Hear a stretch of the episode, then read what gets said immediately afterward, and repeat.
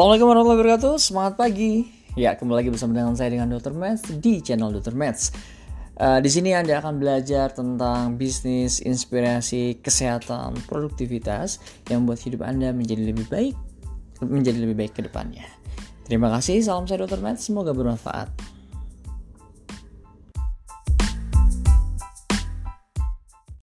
Oke, halo selamat pagi. Oke, alhamdulillah pagi ini saya uh, sedang mau mengikuti MMBC Millionaire Mindset Base Camp bersama dengan Pak Mardigu. Oke, jadi sebelum HP saya tidak saya saya off kan, uh, saya ingin share di pagi ini uh, banyak hal kemarin tentang refleksi. Saya ingin bercerita tentang Pygmalion Effect. Apa itu Pygmalion Effect? Nah, mungkin saya ada yang udah pernah dengar. Ini adalah sebuah teori dari seorang profesor, aku lupa namanya siapa. Uh, berasal dari sebuah kisah di Yunani kuno.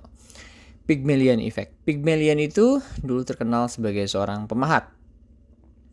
Dia saking jagonya, suatu saat dia uh, mampu membuat sebuah patung yang begitu sangat cantiknya, seperti wanita yang benar-benar dia idam-idamkan, dia idealkan. Sampai suatu saat uh, Pygmalion ini dia jatuh cinta dengan patung wanita itu. Hingga akhirnya ya ini dari Yunani kuno ya dia berdoa ke Zeus dan lain-lain, Aphrodite hingga akhirnya dia dikabulkan doanya bahwa uh, patungnya ini yang bernama Galatea ini dihidupkan dan akhirnya setelah hidup mereka menikah uh, dan hidup bersama. Oke, okay. maksudnya apa? Maksudnya adalah uh, dalam hidup kita terkadang uh, kita ya, lu lu kali ya, mungkin saya ya tepatnya ya. Saya sendiri, mungkin kalau ada teman-teman juga yang merasa bahwa kadang-kadang kita sering menyalahkan. Kok orang-orang di sekitar saya seperti ini sih? Kok tim saya seperti ini sih? Kok uh, gimana sih caranya orang lain untuk berubah? Oke, okay. prinsip di Pygmalion Effect adalah bahwa semua hal Oke, okay? ikuti kata-kata saya. Semua hal, bahwa semua yang terjadi dalam hidup kita, sebenarnya kitalah pembuat dan bertanggung jawab 100% atas semuanya. Mengapa? Kita adalah pema kita adalah pemahat, kita adalah Pygmalion yang menciptakan Galatea, Galatea yang ada di seluruh di sekeliling kita. Anak kita kok nggak mau nurut misalkan sama kita. Oh, itu kan hasil pahatan kita. Entah dari sikap kita, entah dari obrolan kita, kemudian bagaimana energi kita yang kita sampaikan, pola didik dan lain-lain. Itu akan menciptakan galatea-galatea yang ada di dalam hidup kita. Tim kita ya contohnya juga. Kok mereka nggak mau bertumbuh dan ini, oh mungkin cara waktu saya kita mahatnya, cara kita membentuknya itu yang membentuk galatea saat ini.